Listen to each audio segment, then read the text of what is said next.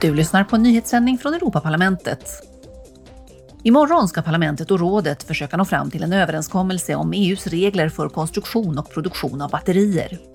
Man vill också finna en lösning på avfallshanteringen av använda batterier. De nya reglerna ska hjälpa EUs övergång till en cirkulär och klimatneutral ekonomi och öka EUs konkurrenskraft och strategiska oberoende. Lagförslaget innehåller åtgärder för att göra batterier mer hållbara och lättare att göra sig av med. Den här veckan förbereder ledamöterna och de politiska grupperna i parlamentet nästa plenarsession. När Europaparlamentets ledamöter träffas nästa vecka i Strasbourg ska de diskutera hur vi skyddar demokratin från utländsk inblandning och hur resultaten av klimatkonferensen COP27 ska utvärderas. Dessutom ska Sloveniens premiärminister Robert Golob intervjuas i debattserien Det här är Europa.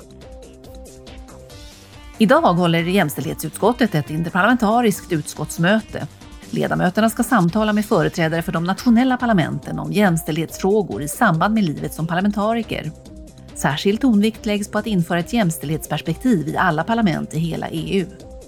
De viktigaste ämnena på dagordningen är protokoll för att förhindra trakasserier, hur dessa protokoll ska genomföras och vilka straff som ska utdömas, men också handlingsplaner för jämställdhet.